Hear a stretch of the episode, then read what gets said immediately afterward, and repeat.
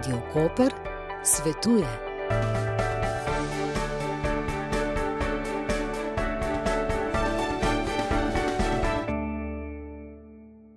Lepo pozdravljeni v današnji svetovalni oddaji, v kateri bomo govorili o nepovratnih spodbudah ekosklada za občane, s katerimi si lahko občani pomagajo pri investicijah v obnovljive vire energije in učinkovito rabo energije. Z nami je Tomislav Ličen, vodja energetsko svetovalne pisarne v Novi Gorici. Lepo pozdravljeni. Dobar dan. Torej, trenutno je kar nekaj odprtih javnih pozivov strani ekosklada, katere bi mogoče izpostavili. Ja, trenutno je odprtih za občane, tu govorimo za občane, sedem eh, javnih pozivov. Nekaj od teh pozivov se je z novim letom spremenilo, En poziv se je pa zaprl. Zdaj, če na, na grobo samo povem, katere pozive imamo. En poziv je za naložbe za zamenjavo starih kurilnih naprav v skupnih kotlovnicah, več stanovanjskih stavb. E, ta razpis je že od leta 2017. Potem imamo drugi poziv, ki je za finančne spodbude za naložbe večje energijske učinkovitosti v stavbah s tremi ali več posameznimi deli. Ta je tudi iz 2019, spremenjen je bil 13.1.2023. Potem imamo nepovratne spodbude za električne avtomobile, to je tudi razpis, ki je že uh, več let odprt, zdaj se pač se stalno obnavlja. Nekaj so se znižala eh, sredstva oziroma višina spodbude se je znižala za avto, je približno 4500 evrov za klasični električni avto. Pa je razpis, ki je za socialno šibke občane, za zamenjavo starih kurilnih naprav. Potem imamo najbolj pogost razpis, ki ga sečujemo recimo v svetovalni pisarni, je 99 sub OB22 odprt 20. maja lansko leto in se tiče praktično vseh naložb v rabo obnovljivih virov energije in pa uh, večjo energetsko učinkovitost. Uh, ta se je tudi spremenil 13.1. ga bomo pol malo še bolj pogledali, ker je, je dobro, da so občani seznanjeni s temi spremembami.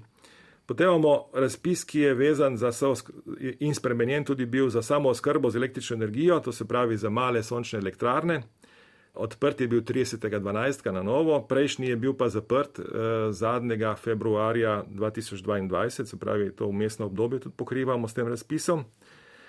In potem je še nov razpis, eh, ki je tudi odprt 30.12. Za, za nepovratne finančne spodbude za skupne naložbe ogrevanja starejših stavb s tremi ali več posameznimi deli. Tukaj tudi za pravne osebe in fizične osebe isti razpis. Zaprt je pa bil, kot sem prej rekel, razpis za nič energijske stavbe, nov pa še ni bil objavljen, odprt je pa še eh, za kredite razpis, eh, ki je bil objavljen 13.1.2023, spremenjen v bistvu. Uh, tam se pa dobi ugodne kredite za obrestno mero 1,3% plus Euribor. Zdaj ta zadeva postaja malo manj zanimiva, odkar je Euribor začel naraščati, prej je bilo to bolj ugodno kot bančni krediti. Vedno pa še zmeraj.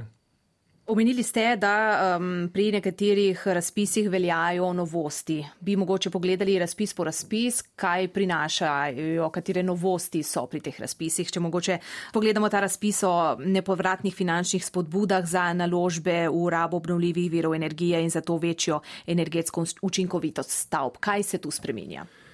Ja, ta razpis, ki je šel sicer 25. lansko leto, je šel praktično isti dan kot nov pravilnik o učinkoviti rabi energije v stavbah, tako zvani PURES 3, ki je določil neke minimalne standarde za uh, toplotne prehodnosti za posamezne gradbene rekel, sklope. In uh, zaradi tega so se razpisi, ki so obravnavali obnovo ovoja stavbe, izboljšavo na ovoju stavbe, govorimo o fasadi in okna, spreminjali tudi tisti pri kreditih, recimo, ki sem prej omenil, da se je spreminjal. Pri vseh se je namreč morala eh, povišati zahteva po kvaliteti toplotne izolacije in tako je pri oknih ta zahteva za dobiti subvencijo eh, se je zvišala iz toplotne prehodnosti 1,1 W na meter kvadrat in Kelvin na 1,0. To so okna, ki morajo biti pri tem razpisu za nepovratne spodbude lesena, troslojno steklo, ugrajena poralo in tako naprej. Eh, v bistvu tukaj prav velike težave ne bo, ker so ta okna večinoma, eh, jaz niti ne vem, če obstaja še kakšno okno troslojno, ki bi imelo samo ena, ena eh, vata na meter kvadrat in kelvin, tako da ne pričakujem težav. Druga zadeva je pa toplotna izolacija, kjer so pa definirane debeline toplotnih izolacij, ki so zahtevane za pridobiti subvencijo. Tukaj pa je prišlo do kar precejšnje spremembe, če tako rečemo. Namreč, če je prej zadoščalo, da smo ugradili 13,5 cm sivega stiroporja, ki je imel lambdo 0,031, zdaj rabimo ugraditi 15,5 cm tega stiroporja, sivega, tega z grafitnimi vključki. Eh, pri belem stiroporju pa je ta debelina po tej formuli, ki je v razpisu, potrebna 19,5 cm. Zdaj, tisti investitorji, ki zdaj to delajo na fasadi, je prav, da so seznanjeni, da po prvem, drugem, kdo bo vložil zahtevo za subvencijo, po prvem, drugem, bo moral izpolniti te zahteve. Kdo pa bo uspel mogoče do prvega, drugega letošnjega leta še narediti fasado in bo lahko eh, oddal vlogo, račun in vse dokumente pa lahko še po starem razpisu odda to vlogo. Tako da tisti, ki so zdaj praktično na koncu, mogoče lahko pohitijo, pa da oddajo to vlogo pred eh, zahtevo po večji eh, debelini toplotne izolacije. Pač tisti, ki bojo zamudili, bojo izgubili možnost dobiti subvencije. Tako da to je kar precejšna sprememba in eh, je prav, da so seznanjeni eh, občani, da lahko še ujamejo zadnji vlak za dobito subvencijo po starih pogojih ali pa pač predvidijo debelejšo izolacijo in s tem izpolnijo nove pogoje. Ostale zadeve mislim, da ne bi zdaj omenjal prav podrobno pri tem razpisu, ker ta ista zahteva pol velja tudi pri kreditih, pa pri večstanovanjskih stavbah. To se vse prenaša pač na vse, ker je Pures določil to minimalno uh, zahtevo in pač velja za vse. Druga novost je eh, javni razpis za naprave za samoskrbo z električno energijo in za naprave za samoskrbo z električno energijo z baterijskim hranilnikom energije. Prejšnji razpis eh, se je zaključil konec februarja, sedaj pa je objavljen ta nov razpis, ki tudi prinaša določene novosti. Ja, od 1. marca do 30.12. lansko leto pač ni bil odprt razpis za male sončne elektrarne po sistemu net metering. 30. decembra se je končno odprl, potem ko je tudi vlada že obljubljala, da ga bojo odprli, vendar je precej spremenjen glede na prejšnji razpis. Glavna sprememba je, da se za njih uveljavlja subvencija potem, ko je vse narejeno, se pravi, mora biti že elektrarna izvedena, priklopljena na omrežje, plačani računi in potem se še lahko da vloga. To je postopek podoben, kot ga imamo pri razpisu 99, ki smo ga prej eh, obravnavali. Ta dva razpisa sta zdaj v bistvu za nazaj.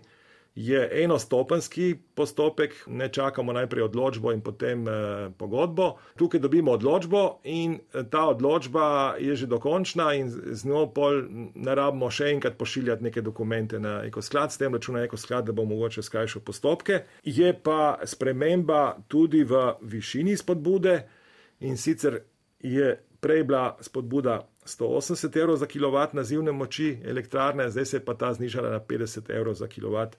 In e, novost je pa, da so predvideli tudi subvencijo za take elektrarne, ki bodo imele še prigrajen baterijski hranilnik električne energije. E, v tem primeru pa je ta subvencija 500 evrov za kilovat inštalirane nazivne moči te naprave s tem, da mora pa biti ta hranilnik, ta baterija eh, v 70% eh, dobi se moč, minimalna, bi rekel, kapaciteta baterije, tako da se z 0,7 pomnoži eh, instalirano nazivno moč, se pravi 10 kW elektrarna, mora imeti 7 kWh veliko baterijo. Ta baterija je lahko litijonska, lahko je katera koli, tukaj niso nobene posebne zahteve. Se pa investicija pri taki bateriji v sončno elektrarno precej poveča in dejansko se postavlja v tem trenutku smiselnost uh, ugradne baterije, dokler je še veljavi sistem net metering, ko je v bistvu za tiste, ki imajo eh, sončno elektrarno, omrežje praktično neskončen akumulator. In bi tak akumulator zaenkrat bil samo še dodaten strošek, ki pa nima nobene ekonomske upravičenosti po tem sistemu, kot je zdaj. Vemo pa, da net metering velja načeloma do konca leta, leta 2023. Za tiste, ki bojo pa do, do konca 2023 pridobili še soglasje elektropodjetja, bojo pa imeli čas, da zaključijo elektrarno v letu 2024. Se pravi, praktično slabi dve leti bo še možno po tem sistemu, ki je zelo ugoden, zgraditi in, in uporabljati eh, sončno elektrarno, potem se pa spreminjajo pogoji. V bistvu se precej poslabšujejo, treba je potem po ko bo to obdobje minilo, bo potrebno plačati omrežnino za svojo elektriko, ki jo bodo eh, lastniki teh elektrarn prevzemali iz omrežja, kar bo za približno 30% najmanj zmanjšalo, bi rekel, ekonomijo teh elektrarn in se bo podaljšala vračilna doba. V teh primerih takrat pa bi te baterije potem prišle prav. Takrat uh, bi baterije nekaj pomagale, ja, to pa drži. Ampak tisti, ki, ki so zdaj še v, v opciji, da lahko grejo po starem, ne, še te dve leti, ne slabi, pa v bistvu nimajo razloga, da kupuje z baterijo. Mogoče, če nekdo misli, da, so, da bo prišlo do kakšne spremembe naknadne, jaz pa tega ne pričakujem, ker to je v zakonu določeno, tako da jaz ne verjamem, da bojo obstoječim predpisali, da morajo imeti baterije kasneje. Ne? Tako da to verjetno ni smiselno, da bi zdaj.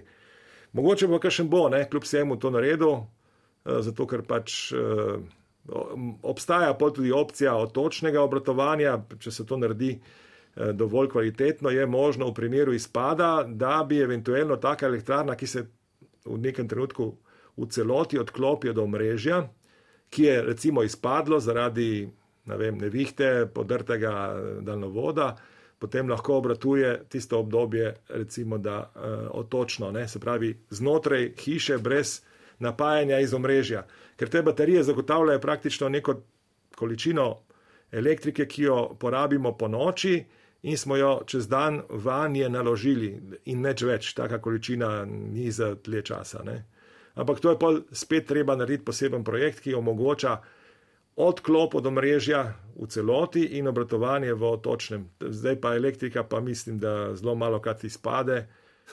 Koliko je sicer namenjenih nepovratnih sredstev za ta razpis? Eh, zdaj mislim, da sta 10 eh, milijonov evrov novih za ta nov razpis in za prejšnje je pa menda 15 milijonov evrov.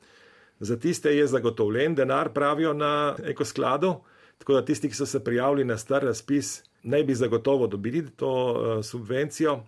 Za nove pa v trenutku, ko bo zmanjkalo denarja, bodo obravnavali do tiste vloge, ki bo po vrsti prišla na ekosklad. Se pravi, če bo 3000 vlog, ko bo obravnavana vloga in bo zmanjkalo denarja, ne bojo več dali denarja, če pa bo, bo vloga recimo popolna. Pa še ena velika sprememba, veliko definicija je zdaj v tem novem razpisu.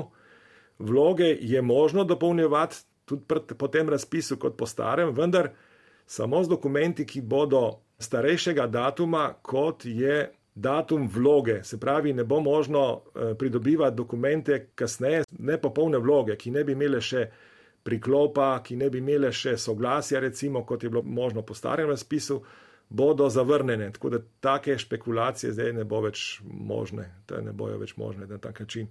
Tako da tukaj so zdaj malo zaostrili zadeve in mislim, da je tudi prav, da se pač dejansko pridejo vloge, ki so popolne in ne, da so nepopolne vloge, pa potem pač kasneje ljudje delajo zadeve. Ali pa tudi ne, ne, pišejo vloge, lahko tudi samo tako.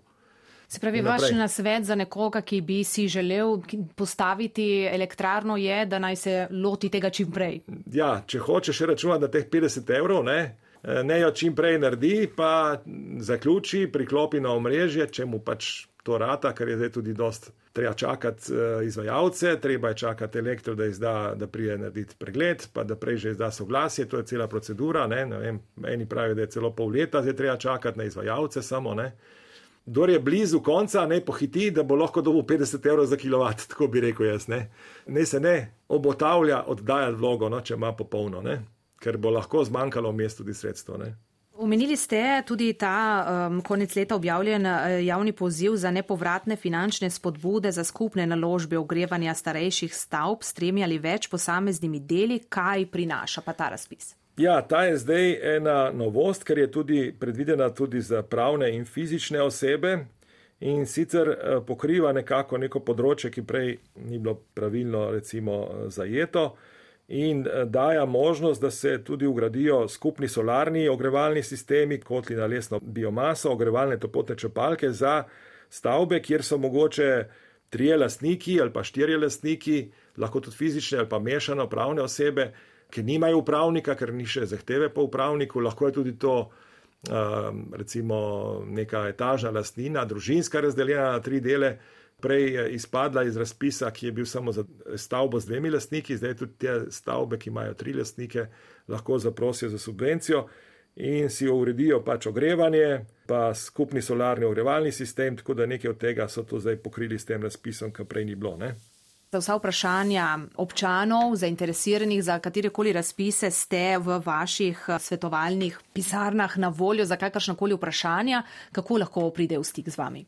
Ja, najlažje je, če grejo na internet, pa pogledajo na spletno stran neko sklada, pa se tam prijavijo preko prijavnice. Eh, lahko pa tudi pustijo sporočilo na odzivniku svetovalni pisarni, kjer imamo pač telefon z odzivnikom, telefonska številka 05300 16 87. Svetovanje imamo potem načeloma ob torkih in četrtkih od 16.15 do 18.30 po predhodnem dogovoru. Od pojava tega COVID-a smo pa zdaj uvedli tudi svetovanje nadaljavo, lahko se dogovorimo za svetovanje preko Zuma. Tako da zdaj pač jaz včasih svetujem komu iz Kranjske gore, ki prej nikoli nisem, recimo, ne, pa preko Viberja, pa preko telefona, pa elektronske pošte, tako da smo dost uh, odprli poleg osebnega svetovanja v pisarni tudi druge kanale, ki danes so in se da tudi kvalitetno še zmeraj svetovati. To mi se vliče, najlepša vam hvala za vse te vaše eh, nasvete in upamo, da bo se čim več ljudi odločalo za eh, učinkovitejšo rabo energije. Hvala, hvala vam.